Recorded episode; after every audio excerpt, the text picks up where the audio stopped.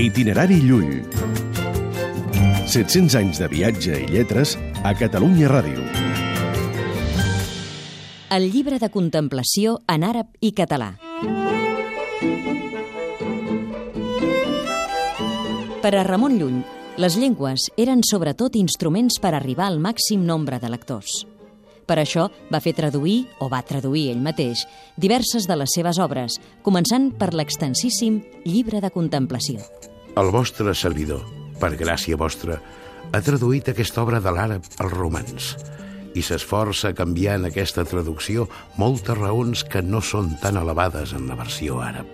No sols va escriure el llibre de contemplació en àrab, sinó que en traduir-lo al català el va refer i segurament el va ampliar. Li devia semblar massa breu. Itinerari Llull.